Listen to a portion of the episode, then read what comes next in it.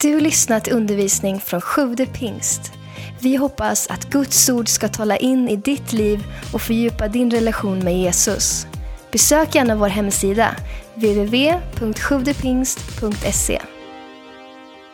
Efesierbrevet kapitel 6 och från vers 10. Där står det så här.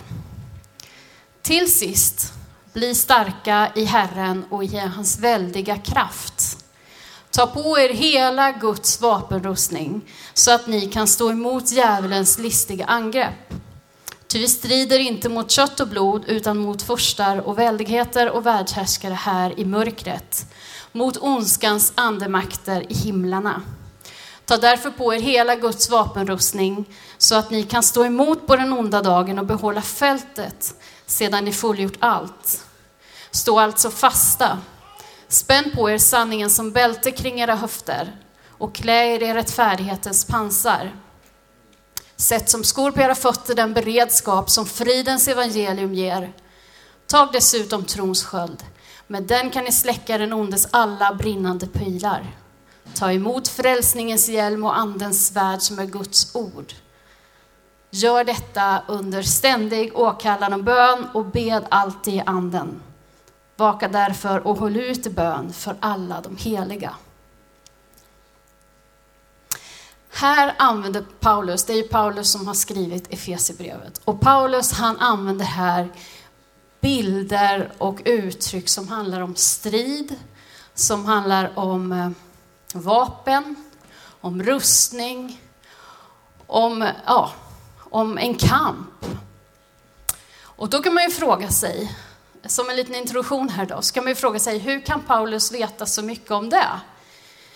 Hur kan han veta någonting om att vara en soldat? För om man läser eh, om Paulus så har inte han varit någon soldat, utan han var en, eh, en forskare i Guds ord och han var en, en person som studerade religion och, och sådär. Israel var under den här tiden under flera hundra år så var Israel under romarrikets ockupation. Romarriket var en väldigt stark makt under hundratals år runt Medelhavet. Och eh, Israel då var en ockuperad nation. Eh, och därför syntes det väldigt mycket soldater runt om på gatorna. Trupper som rörde sig för att hålla ordning så att inga uppror skedde i deras, eh, de här mark, områdena som de hade tagit. Så folk såg ofta soldater ute på stan. Sen var det också så att Paulus, han, eh, när han kom till tro på Jesus, så upplevde han mycket förföljelse och hamnade ofta i fängelse. Eh, under den här tiden och ännu mer, det påbörjades under Paulus tid, men ännu mer de kommande 300 åren av kristendom så ökade förföljelse och det var väldigt svårt för de kristna, precis som det är idag i vissa delar av vår värld. Och Paulus, han hamnade i fängelse. Han var, man har räknat ut att han under sin tid som missionär och engagerad apostel så var han i fängelse fem år. Man tror att han arbetade med evangelium och spridde evangelium under cirka 20 års tid. Och fem av dem så satt han i fängelse. Och i fängelse så var Paulus fortfarande väldigt aktiv. Eh, vi, ser, vi läser bibelberättelser om hur han vittnade för fångvaktare, hur han sjunger lovsång i fängelse, hur han skriver brev, till exempel det här brevet, Efesierbrevet, när han är i fängelse. Han var aktiv i sin tro och i sin missionsgärning, även när han hade det tufft i fängelsesituation. Att sitta i fängelse var ingen rolig erfarenhet. Fången torterades ofta och sen slängdes i en kall, mörk fängelsehåla. Ehm, och fick de någon mat så var den ofta dålig. Ehm, man kunde, om man hade lite tumme med officeren, så kunde man få vänner som kom med mat till en. Det står om när Paulus var fängslad i Caesarea så står det att han fick vänner som kom till honom med, och tog hand om honom med mat och så. Det kunde också vara så om man var en lite mer prominent fånge eller höll på, hade skött sig i fängelset eller om man eh, Eh, var på gång att släppas fri så kunde man få hamna i husarrest. Eh, och då, det innebar att fången eh, fick hyra sig en bostad. Fången betalade för hela bostaden och sen fick fången inte röra sig utanför den bostaden och i bostaden så fanns alltid soldater. Men fången var fri att ta emot vem han ville i sitt hem. Eh, och Paulus, han satt i husarrest i Rom under två års tid. Eh, och då hade han säkert hemgrupper hos sig. Han, han eh, satt där och hade, skrev flera av sina brev och eh, fortsatte sitt arbete. Om man satt i husarrest så hade man alltid en, man var alltid fängslad med en soldat. Dag och natt, 24 timmar, så satt man kedjad till en soldat. Jag brukar, när jag är i undervisar på bibelskolan i Indien, så brukar jag ha som eh, uppdrag att nu går ni tillbaka till era logement och så knyter ni fast er med varandra, två och två. Och så får vi se vem som står ut längst. Och de brukar ge upp någon gång när det börjar bli dags för toabesök, de allra flesta. Eh, det är tufft. Det var tuffare att sitta i fängelsehåla, men det var inte enkelt att sitta i husarrest heller. Och då tänker jag på det här, Paulus kunskap kring strider och kring soldatliv. Han levde ju med en soldat dag och natt vid sin sida. Det är klart att de pratade mycket om vad det var att leva som soldat. Paulus såg, vad har de på sig? Hur agerar han? Hur tänker de? Han frågade säkert massa frågor, för det verkar som Paulus var en nyfiken person. Och Paulus berättade säkert om Jesus för de här soldaterna. Så Paulus visste mycket om soldatlivet. Och idag så ska jag tala om sanningen som bälte bältet som en soldat. Vad var det, varför var det viktigt?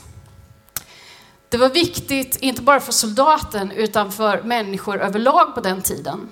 För man hade inte sådana här eh, stretchiga byxor som vi har nu för tiden, som sitter där de ska för det mesta, eh, med linningar eller med resår. Utan de hade eh, byxor som, som behövde hållas åt. Eh, de hade, som behövde ett, ett bälte eller ett, en gördel. De hade långa tunikor. Som, eh, ungefär som Josefins, fast hon har med en mantel på sig. Men de flaxar ju lite när man går, de här tunikorna och långa ärmar och sådär. Och skulle man då vara smidig så behövde man ha ett bälte runt omkring så man inte snubblar på sin tunika eller sina byxor, utan det skulle hålla fast, hålla ordning på kläderna, bältet. Och för en soldat så var också bältet viktigt för där, kunde man, där satt man fast sina vapen. Det var där man hade sitt svärd och kanske andra vapen. Så bältet var ju nödvändigt för att hålla ordning på kläder och på vapen. Det är den första delen i rustningen som nämns, bältet. Och det kan man ju tänka, ja, men varför bälte låter ju lite futtigt att nämna först. Det Är inte hjälmen viktig eller pansaret som skyddar de eh, liv, eh, vitala delarna av kroppen eller sådär. Men bältet är viktigt för det håller de andra delarna på plats. I Guds rustning så är det sanningen som är detta bälte. Sanningen håller samman alla delar. Sökmotorn Google sammanställer varje år de, de sökningar som eh, folk gör mest på internet. Eh, och förra året, 2015, så en av de vanligaste frågorna som folk ställde på internet, det var frågan Vad är sanning? Vad är sanning? Och det är ju ingen ny fråga. Den har ställts i tusentals år. En ledare på sin tid ställde den frågan inte till Google utan till Jesus själv. Vad är sanning? Och jag ska säga något chockerande. Jag tror att det finns en absolut sanning. Att säga så är som att svära i kyrkan på 2000-talet. Men jag är helt övertygad om att det finns absoluta sanningar. Jag tror ju på Gud som skaparen av allt liv. Jag tror på Gud som den som gör att liv fortsätter att fungera efter det har skapats. Gud är livgivaren och uppehållaren av liv. Jag tror på Gud som Herre, som frälsare, som den som, som bär hela jorden, som får det att fungera för oss människor. Och då är det självklart för mig att han och hans ord är sanning. Absolut sanning hör ihop med Jesus och med hans ord. Jesus själv definierar sig som sanningen och han definierar ordet som sanning. Och i en värld idag som liksom driver runt lite på i, i lite olika åsikter och man, man, det verkar inte finnas någonting säkert. Jag tänker på det nu när det har varit för några veckor sedan var det Almedalsveckan på Gotland och, och sen har det varit den här brexitomröstningen i England och det har varit liksom hit och dit och man lyssnar på människor som säger ena dagen så säger de att ja, nej men det här är viktigt att vi hör ihop i Europa liksom. och så nästa dag så här, men vi klarar oss själva. Vi behöver inte varandra. Och så ena dagen säger vi ska öppna gränser, alla får komma hit. Och så nästa dag så säger jag bara, nej, vi ska vara själva, vi vill inte ha någon här. Och så ena dagen så, vi ska satsa alla pengar vi har på omsorg och på barnen. Och sen nästa dag så, nej, vi ska sänka skatterna så att, så att vi har inte råd så mycket med skola och omsorg. Och så flaxar åsikterna lite hit och dit och det gör det i oss själva också. Att det är så lätt att bara, jo men det, och så läser vi lite någonting spännande i någon tidning eller på nätet och så håller vi med och sen så nästa dag så läser vi något som är helt annorlunda och så, jo fast det är ju en poäng det också. Men det finns någonting och då tycker jag att det är en trygghet. Då tycker jag det är så fantastiskt skönt att veta att jag lutar mig och står på Jesus Kristus och hans ord som är absolut sanning. Vi ska titta på vad Jesus säger i Johannes kapitel 14. I Johannes 14 så talar Jesus till sina lärjungar. Och så säger han så här. Jag är vägen, sanningen och livet. Jag är sanningen, säger Jesus. Det är ett stort uttalande. Han säger inte jag är en sanning. Han säger inte att jag är en person som mycket av det jag säger är sant. Liksom. Jag hoppas att, att jag ska tala sanning för det mesta. Han säger att jag är sanning. Och så har vi uppmaningen då från Paulus att spänna på sanningen som bälte i våra liv. Vad innebär det då om Jesus är sanningen? Jo, jag tror att det innebär att vi ska leva nära honom, lära känna honom, följa honom, hålla oss nära sanningen i våra liv. Ju mer vi är med honom, desto mer lika blir vi honom. En fras som återkommer igen och igen i Fesebrevet vi var några som samlades på hemgruppen i onsdags och så tittade vi på det. En sak som återkommer igen och igen i Efesierbrevet är den lilla frasen i Kristus. Om du skulle läsa de första kapitlen i Efesierbrevet så skulle du se att Paulus han säger det igen och igen. I Kristus. I Kristus är du förlåten. I Kristus är du adopterad till att vara Guds barn. I Kristus har du som har varit långt borta kommit nära. I Kristus så har du fått den heliga ande som gåva. I Kristus finns det så mycket. Och Paulus menar att vi, vi är i Kristus. I Galaterbrevet säger han, nu lever inte längre jag, utan Kristus lever i mig. Spänn på er sanningen som bälte. Lev i Kristus Jesus. Och när Paulus talar om, om vi tittar på hela vapenrustningen, så egentligen, det handlar om Jesus. Sätt på dig frälsningen som hjälm. Jesu frälsning, den som han har gett till oss, försonat oss med Gud. Sätt den som hjälm på ditt huvud. Rättfärdighetens pansar som Sven talade om för några veckor sedan. Det är ju Guds rättfärdighet som är given till oss genom Jesus Kristus. och sanningen som bälte. Jesus är sanning. Spänn på dig sanningen. Lev nära Jesus. Och så fridens evangelium. Vi ska ha på oss skor med fridsevangelium. Det är Jesu evangelium. Han själv är fridens furste. Allting där, hela rustningen handlar om Jesus.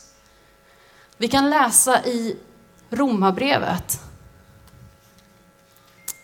Romarbrevet kapitel 13.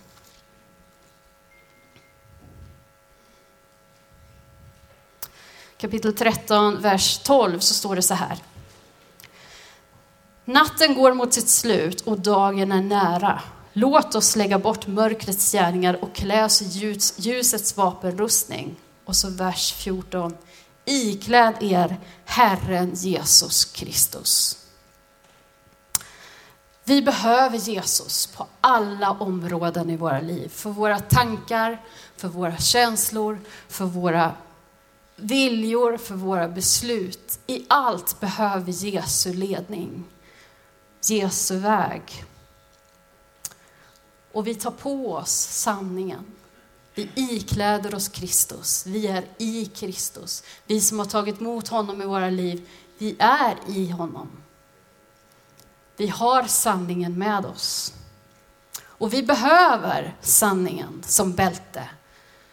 Därför Satan, som Jesus talar om, Satan som är vår fiende, som vi strider mot, kallar Jesus för lögnens fader. Satan är full av lögn och försöker hela tiden skruva sanningen så att det ser nästan sant ut fast egentligen är det inte det. Och försöker med falskspel att få bort oss ifrån, ifrån Gud, ifrån Jesus, ifrån sanningen. Men vi ska leva i sanningen, vi ska leva i Kristus. Så därför ska vi inte släppa på det där bältet. Det är lätt att öppna en liten, en liten hake på bältet ibland, eller kanske två. Och så blir det lösare och så fladdrar kläderna lite mer och så snubblar vi på vår egen på våra egna brister. Vi ska hålla oss nära sanningen. Jesus säger också i Johannes kapitel 17, 17 och vers 7.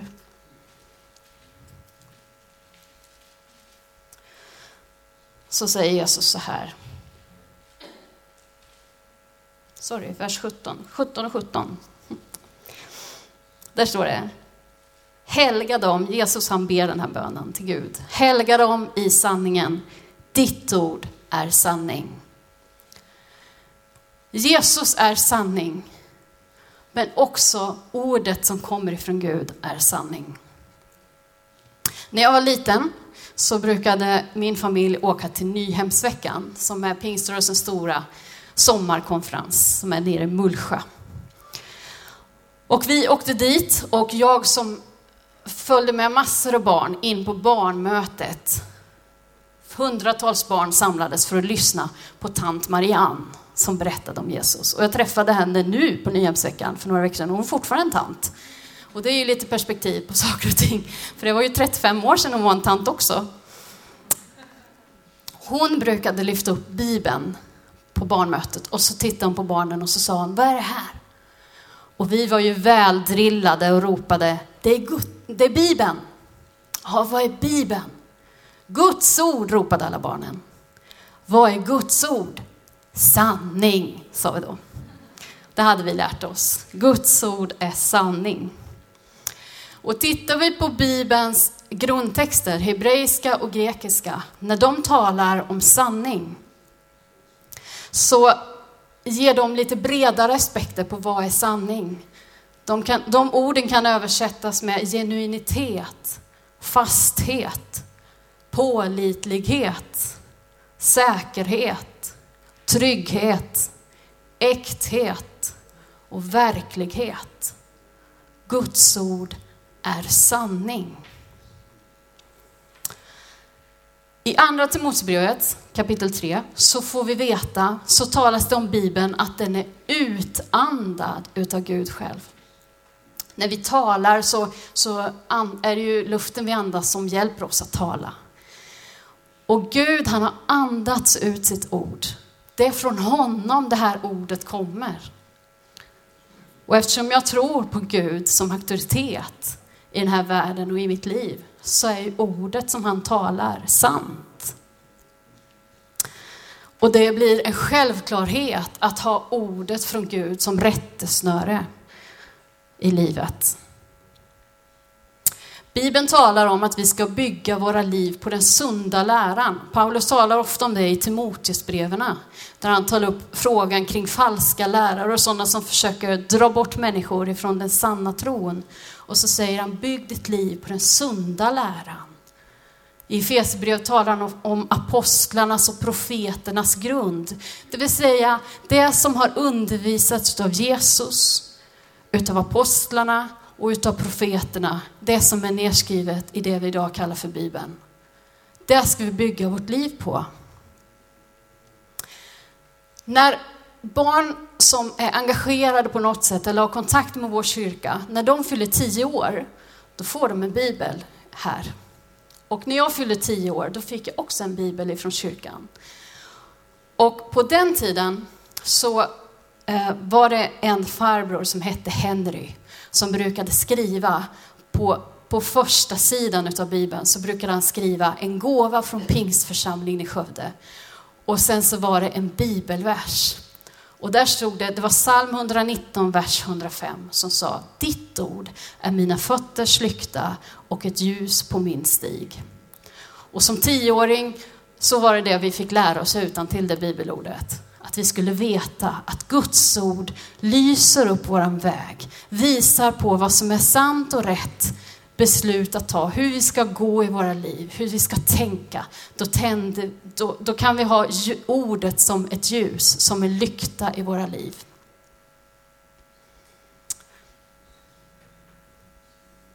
Jesus säger också i Johannes kapitel 8,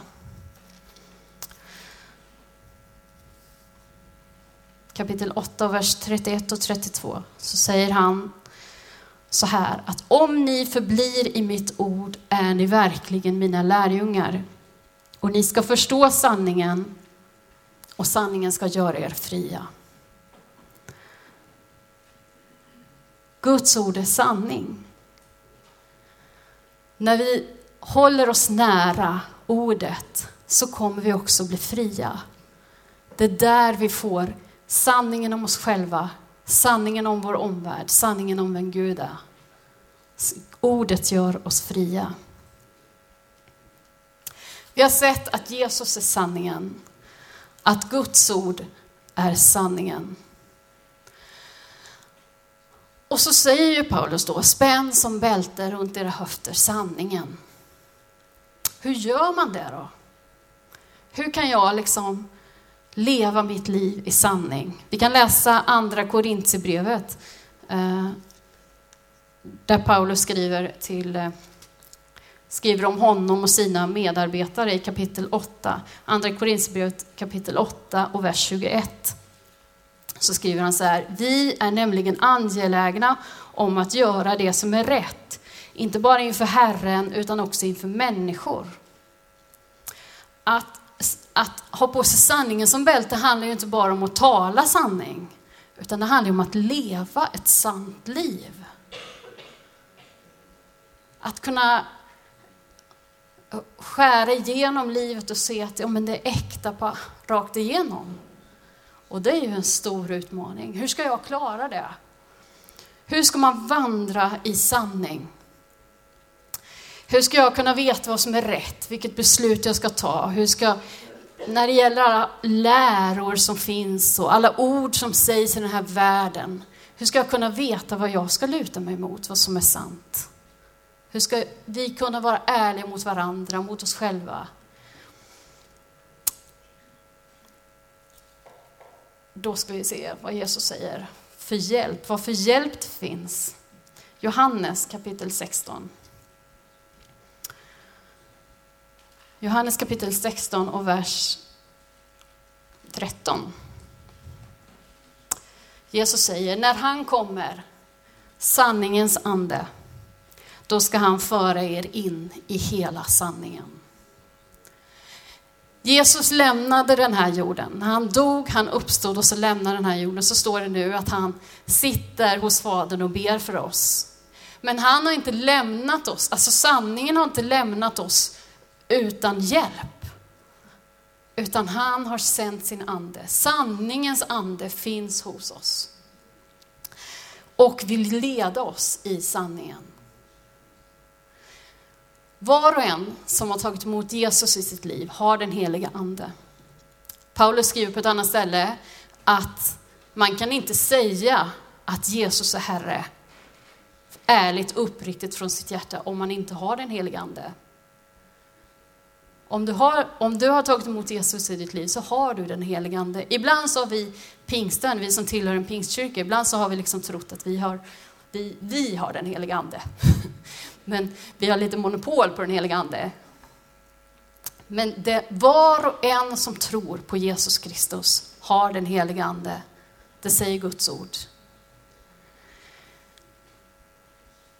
Vi är ett tempel, en boning åt den heliga ande. Och denna Guds heliga ande vill leda oss i Guds sanning. Vill leda oss i våra liv och hjälpa oss i vardagsfrågor. Hjälpa oss i olika situationer. Stora livsbeslut och små detaljer. Den helige Ande finns för att leda oss i sin sanning. Genom att följa Anden så kan vi leva ärliga, riktiga, sanna, transparenta liv. Här är dock viktigt att minnas de här olika delarna som jag har nämnt nu. Jag har nämnt, talat om Jesus, jag har talat om Guds ord och jag har talat om Anden. Och det är viktigt att se att alla delar är viktiga. Ibland så blir man lite, betonar man bara det här med andens ledning. Jag ska vara ledd av anden. Och det finns en liten risk i det. Det är klart att du ska vara ledd av anden. Men du måste ha med dig ordet. För om du är ledd av, om du bara lyssnar och säger att du lyssnar på den heliga ande så är det, det är ju du, det är lite subjektivt. Det, är ju, du, det blir ju du och anden. Och det är bra, du har den heliga ande. Men det ska alltid prövas med ordet. För ordet och anden motsäger aldrig varandra. Så att om du upplever anden säga någonting, så pröva det med Guds ord. På samma sätt. En del säger så här, äh, men jag litar inte på liksom det här andens röst, jag, jag går bara på det som står i ordet. Och det är inte dåligt, men det finns en risk med att man kanske inte hittar riktigt sin svar på allting i ordet, därför ordet ger en, en stor bild. Men det svarar inte på hur ska jag liksom bemöta min granne? Hur ska, jag, hur ska jag agera i den här relationen till min familj? Hur ska jag göra med, med det här jobbet? Ska jag ta det här jobbet eller inte?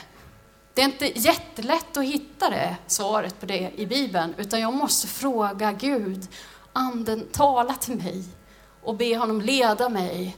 Och sen kan jag pröva det också mot ordet. Vi behöver båda delar. Vi behöver höra från Guds ande och vi behöver pröva det i Guds ord.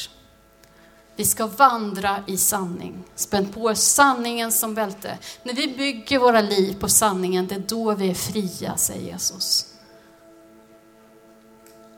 Lögn, vare sig det är små vita lögner, lite falskhet nu och då. Det snärjer och det gör att vi faller om det är stora saker eller små saker, så, så binder det oss och gör att vi inte kan röra oss fritt. Om jag är i Kristus, om jag har sanningen, Jesus Kristus runt om mig, om jag är i honom och han i mig, då går det inte att vara oärlig och falsk. Därför då är det han som formar mig och förvandlar mig. Det här får ju ta lite tid. Vi är alla Jesu projekt där han håller på att arbeta med oss och pekar på saker och säger, ja men det här kan du jobba på. Om Guds ordet får vara mitt rättesnöre, då har jag verkligen en stabil grund att stå på i mitt liv. Om anden får leda mig, så hjälper han mig att ta sanna beslut. Inte alltid enkla beslut, men sanna beslut som, som skapar en en sanning och en ärlighet i mitt liv. Tack för att du lyssnat. Glöm inte att du alltid är välkommen till vår kyrka. Du hittar mer info på www.sjuvdepingst.se